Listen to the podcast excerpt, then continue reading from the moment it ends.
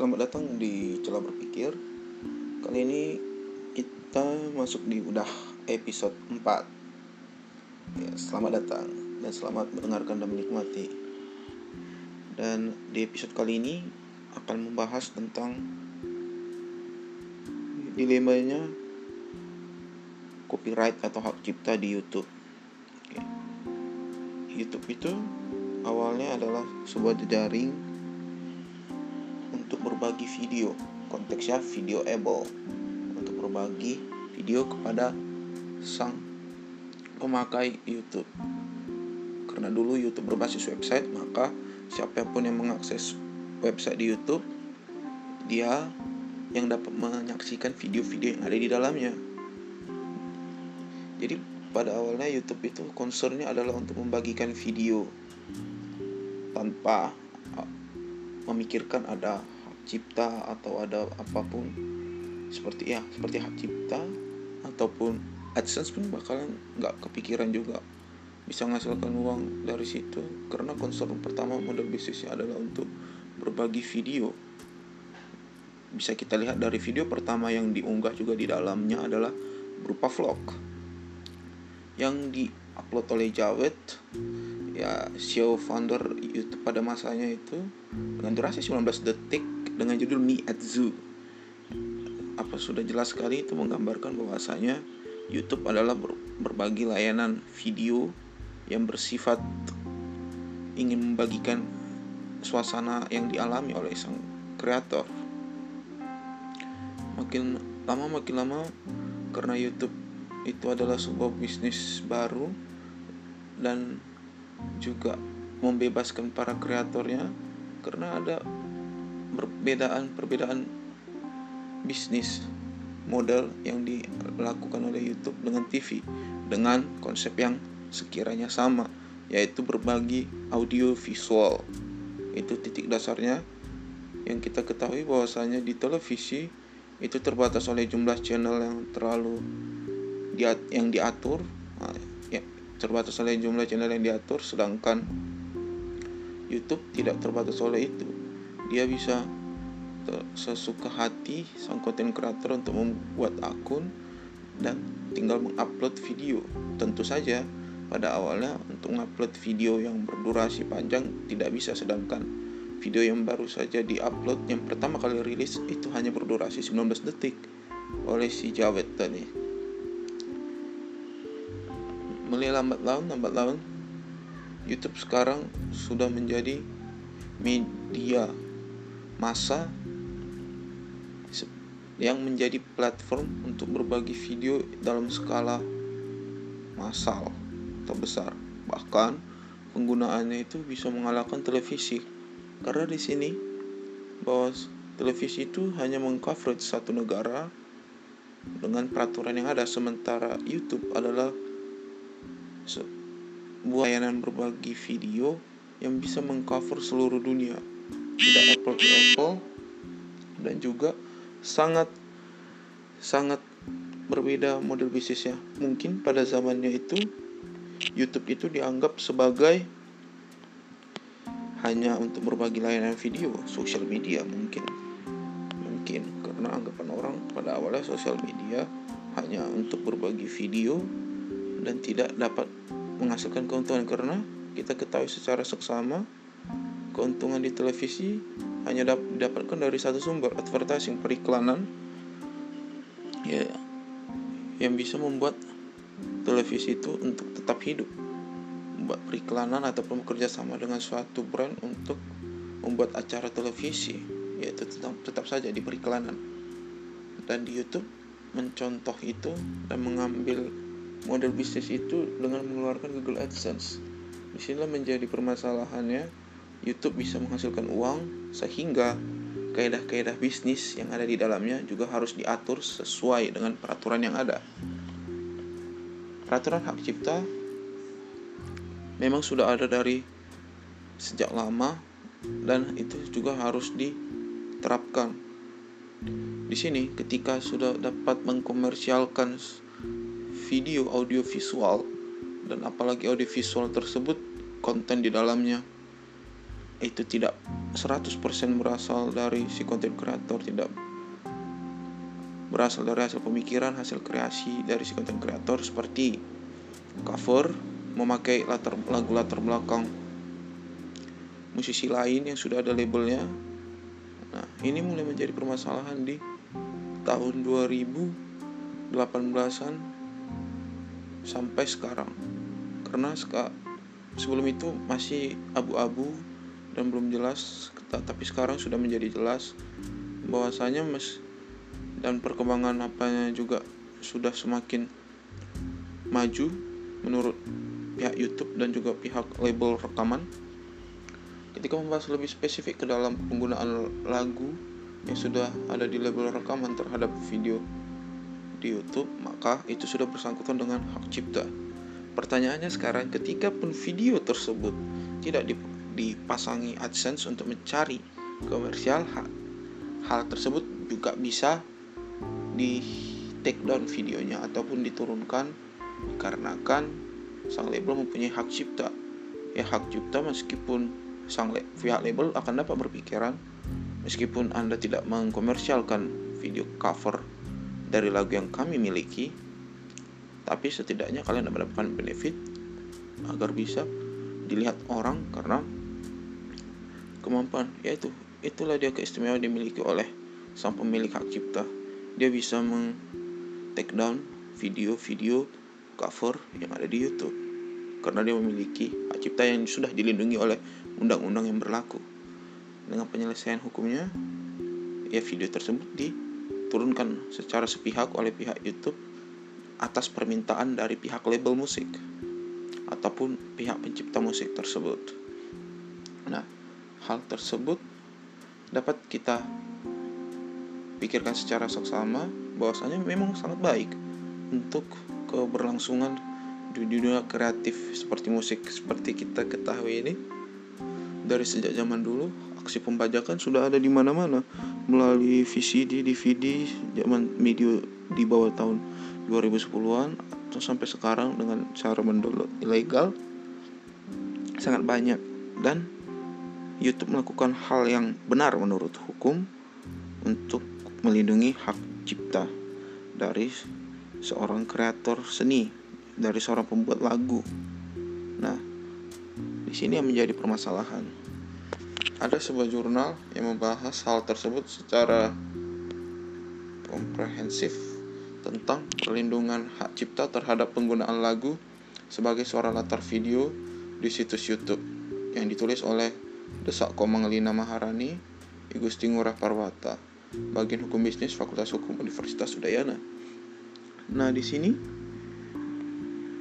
mereka juga mempunyai pendefinisian yang sama, bahwasanya konten YouTube itu adalah konten untuk berbagi video antar sesama pengguna YouTube.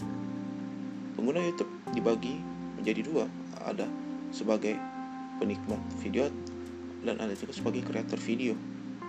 Nah, di sini si kreator video ketika menggunakan latar musik sebagai acuan dia membuat video dalam bentuk cover lagu, dalam bentuk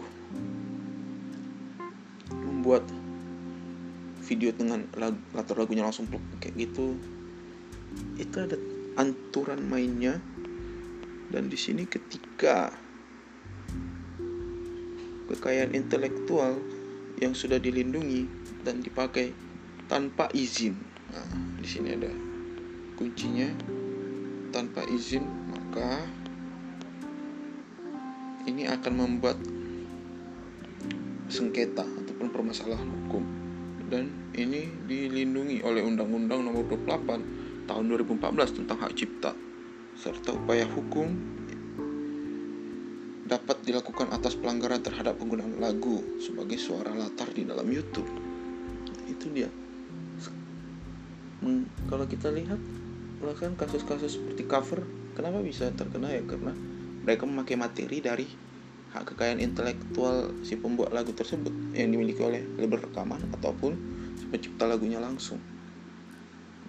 Nah, di sini juga perlindungan hak cipta terhadap penggunaan lagu sebagai suara latar YouTube ada di pasal 4 Undang-Undang Hak Cipta yang menyatakan bahwa hak eksklusif terdiri dari hak moral dan hak ekonomi. Nah, di sini dia udah dibagikan dua, ada hak moral dan hak ekonomi. Hak moral mungkin ya etikat baiknya di manalah dipertanyakan. Seharusnya ketika ingin memakai sebuah karya dari orang lain harus izin. Ya izin, izinnya mungkin secara tertulis atau bagaimana yang diinginkan oleh label rekaman. Di sini juga dia membahas pencipta atau pemegang hak cipta sebagaimana dimaksud dalam pasal 8 memiliki hak ekonomi untuk melakukan penerbitan, penggandaan, penerjemahan, pengadaptasian, pendistribusian, pertunjukan, pengumuman ciptaan, komunikasi ciptaan, penyewaan ciptaan. Nah, di situ dia karena si pemegang hak cipta yang memiliki hak tersebut ketika cover sudah dilakukan berarti di situ kita juga sudah memakai hak-hak dari si pemegang hak cipta yaitu mengkomunikasikan atau mengumumkan karya tersebut dalam lagu. Nah, jadi kalau kita sekarang belakangan ini kenapa hukum ini ditegakkan? Ya karena mereka tahu bahwasanya dari cover lagu aja bisa menghasilkan uang meskipun dalam jumlah yang sedikit. Ada kasus yang menarik untuk dibawa yaitu kasus dari Eklat Story. Mereka menceritakan kasusnya di YouTube channel YouTube-nya Dunia Manji. Yang hari itu mereka karena tidak izin mengcover lagu mereka terkena permasalahan hukum dan sengketa hukum sehingga mereka harus ganti rugi atas kesepakatan yang sudah disepakati secara kekeluargaan. Bayangkan, mereka harus ganti rugi ke pihak label rekaman yang mempunyai hak cipta karya, hak cipta lagu tersebut. Nah, di sini juga menjelaskan untuk menghindari hal-hal tersebut, kreator YouTube yang berbasis cover ya mau tidak mau harus izin. Apakah izin tersebut optimal? Ya. Tidak optimal. Kenapa bisa dapat disanggah seperti itu? Karena selama ini izin ketika ingin mengcover lagu kita lihat dulu apakah izinnya itu kayak gimana atau gimana. Karena ada juga kesepakatan untuk videonya tidak usah di monetize untuk tidak mencari keuntungan dari video cover tersebut ada juga boleh. Banyak sekali peraturan-peraturan antara label rekaman dengan si kreator cover. Jadi ketika hak cipta itu adalah upaya-upaya yang dilakukan ketika yang upaya yang dapat dilakukan oleh si pemilik hak cipta ya yaitu ada upaya preventif yaitu yang melindungi sendiri karya-karyanya dapat dilakukan dengan melakukan pencatatan terhadap suatu karya cipta lagu yang telah dibuat dalam bentuk nyata. Nah, pencatatan dilakukan dengan mengajukan permohonan ke Dirjen Haki, Kekayaan Intelektual Kementerian Hukum dan HAM, sebagaimana diatur pasal 46 Undang-Undang Hak Cipta. Dan upaya presip ya upaya hukum karena ada di situ dendanya, hukuman penjaranya dan segala macam. Tapi upaya represif pun yang dipilih itu upaya represif dengan pendekatan apa? Ada pendekatan kekeluargaan, ada pendekatan hukum di sinilah komunikasi dilakukan. Jadi untuk menghindari ya satu kata sih kuncinya izin. Nah, ketika tidak izin maka yang akan didapatkan adalah sengketa hukum. Bukan sengketa hukum sih permasalahan hukum. Ya karena yang cover mau tidak mau ya pasti sudah salah ketika dia tidak izin dan memakai materi-materi lagu tersebut.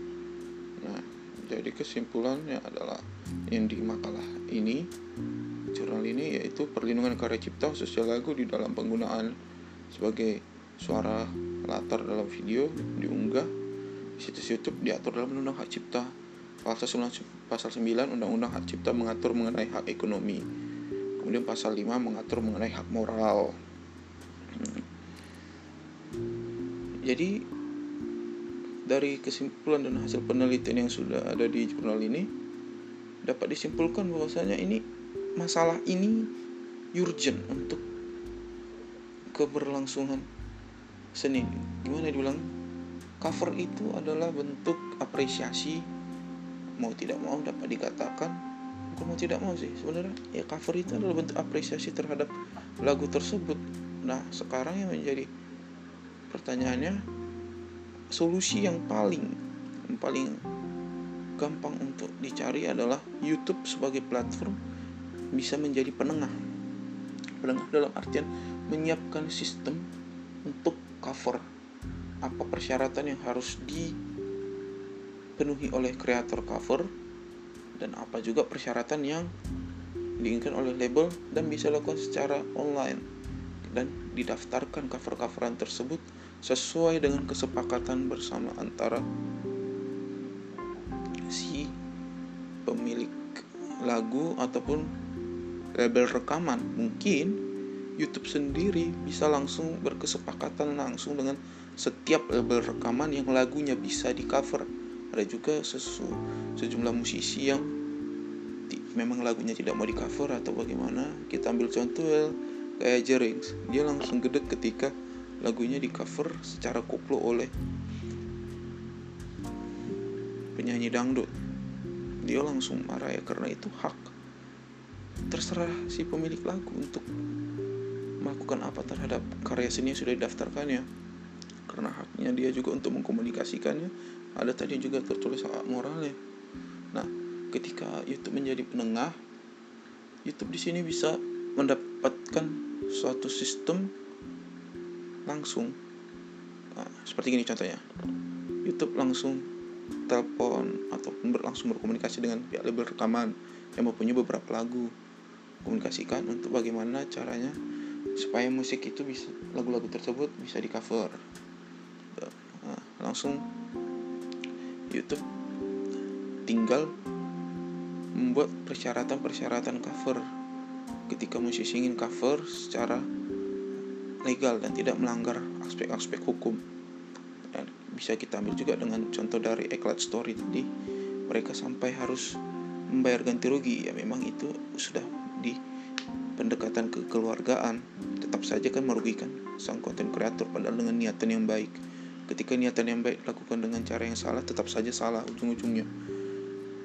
Karena cover esensinya adalah mengapresiasi karya musik ataupun lagu yang sudah diciptakan itu sebenarnya esensinya. Dengan cara menyanyikannya dan menguploadnya dengan aransemen yang berbeda. Nah itu dia. Jadi ketika YouTube juga melindungi konten kreator yang cover-cover seperti ini maka konten kreator cover merasa diperhatikan diakomodasi semua kebutuhannya untuk berkreasi. Toh juga kalau konten-konten kreator yang cover-cover ini berkreasi menaikkan traffic ke YouTube juga sebenarnya. Karena banyak musisi-musisi yang terkenal karena awalnya nge-cover. Eh, contohnya yang sudah mempunyai lagu sendiri. Banyak lagi yang lainnya. Memang mulai karir bisa dengan cover-cover terlebih dahulu dari seorang penyanyi. Berarti itu kan ada simbiosis mutualisme di mana tempat memasarkan videonya ada di YouTube YouTube dapat traffic dapat iklan ataupun dapat traffic lah dapat traffic brand YouTube-nya naik konten kreatornya juga di dipenuhi kebutuhannya dan merasa dilindungi. Dan ini yang akan menimbulkan ya cover-cover musisi-musisi cover yang bermutu karena dia sudah mengikuti aturan-aturan yang ditetapkan. Dan lebih adil untuk tidak membatasi karya seni tapi justru melindungi sesuai dengan aturan-aturan yang berlaku. Ya untuk menggunakan lagu terserah kepada si pemilik hak cipta sang pemilik hak cipta lagu tersebut kekayaan intelektual tersebut jadi solusinya tetap juga di yang lebih baik di YouTube. Karena kalau langsung direct dari si penyanyi cover langsung ke label rekaman bayangkan kalau slow respon label rekamannya membalas untuk mengantisipasi itu ya lebih saya menghadirkan solusi yang lebih ke depan lagi lebih ke maju lagi dengan YouTube langsung berhubungan dengan label rekaman berkomunikasi dengan apa persyaratan untuk sisi cover. Sudah masalah ini menjadi selesai. Dan sekarang orang kalau mau cover lewat layanan video live langsung. Bigo live mungkin Instagram live mungkin untuk mereka ngecover supaya tidak terkena hak cipta. Karena itu secara langsung sih yang sekarang orang-orang aku lihat banyak ngecover lewat berbagai video live streaming tapi tetap saja itu bisa dikategorikan sebagai performing rights ya hak untuk menampilkan. Ya mungkin kalau ketika tidak ada izinnya tetap bisa terkena permasalahan hukum lagi ujung-ujungnya. Nah jadi sebenarnya kalau kita lihat musisi-musisi cover banyak yang videonya di take down ataupun videonya ada videonya juga tetap ada di situ ya mungkin dia sudah izin dulu ke label rekaman atau ke pemilik hak cipta lagu tersebut dan kita harus terbiasa memang hidup di negara yang mengatur tentang hak kekayaan intelektual. Dalam posisi ini, kalau pihak pendistribusian video bisa mengambil alih dan memberikan solusi, yes, lebih mantap lagi. Di kita ketika kita berpikiran bahwasanya harus si pembuat video langsung berhubungan dengan label rekaman, tidak efektif juga. Karena label rekaman bukan hanya melayani hal tersebut. Mereka menciptakan lagu, mereka memproduksi lagu, mereka bekerja lagi dengan yang lainnya. Mereka memiliki beberapa lagu yang mungkin itu bisa menjadi penengah. Ya meskipun solusi yang dihadirkan ini belum tentu bisa dilaksanakan dengan ada masalah teknis ataupun taktis. Tapi layak untuk dipertimbangkan dan layak untuk dipikirkan serta menjadi celah kita untuk berpikir. Aduh, aduh. ngelihat Jeris ngamuk-ngamuk musiknya dikoploin. Yang Superman yang Superman sudah aduh. Kalau jadi pencipta lagu sih sebenarnya punya hak. Ya iyalah. Gile lu cover lu dangdutin lu kagak tanya dulu ya gue mau cover kayaknya kayak gini-gini. Izin dah gue ya izin. Ya gitu kayak kan ada tata kerama memang sih harus izin juga kalau nggak sesuai sama yang diinginkan sama pencipta lagu ya. Marah dong bisa aja disengketain kalau mau sebenarnya. Dipermasalahkan ke hukum. Bukan sengketa sih ya salah bahasa gue sengketa permasalahan hukum. Dilaporin ke pihak polisi yang berwenang. Tapi yang tersesama pembuat karya sih harus diregulasi dengan baik dan benar. Oke? Okay? gua rasa cukup untuk berbicara tentang celah-celah berpikir di copyright YouTube ini. Memang ada dilema di dalamnya. Satu ingin berkarya tapi harus terbentur dengan aturan. Dan juga yang mempunyai hak cipta lagu tersebut juga mempunyai hak memang yang dia sudah diatur oleh peraturan yang harus diikuti jalan tengahnya yang tadi YouTube bermain YouTube di sini menjadi penengah bisa langsung langsung menghubungi pihak label rekaman apa-apa saja dan langsung menseleksi lagu-lagu yang bisa di cover dan tinggal memberikan persyaratan langsung kepada si konten kreator. Oke, terima kasih sudah mendengarkan podcast ini. Sampai jumpa di episode celah berpikir selanjutnya. Hari Krisna Purba, ciao. Pamit undur suara.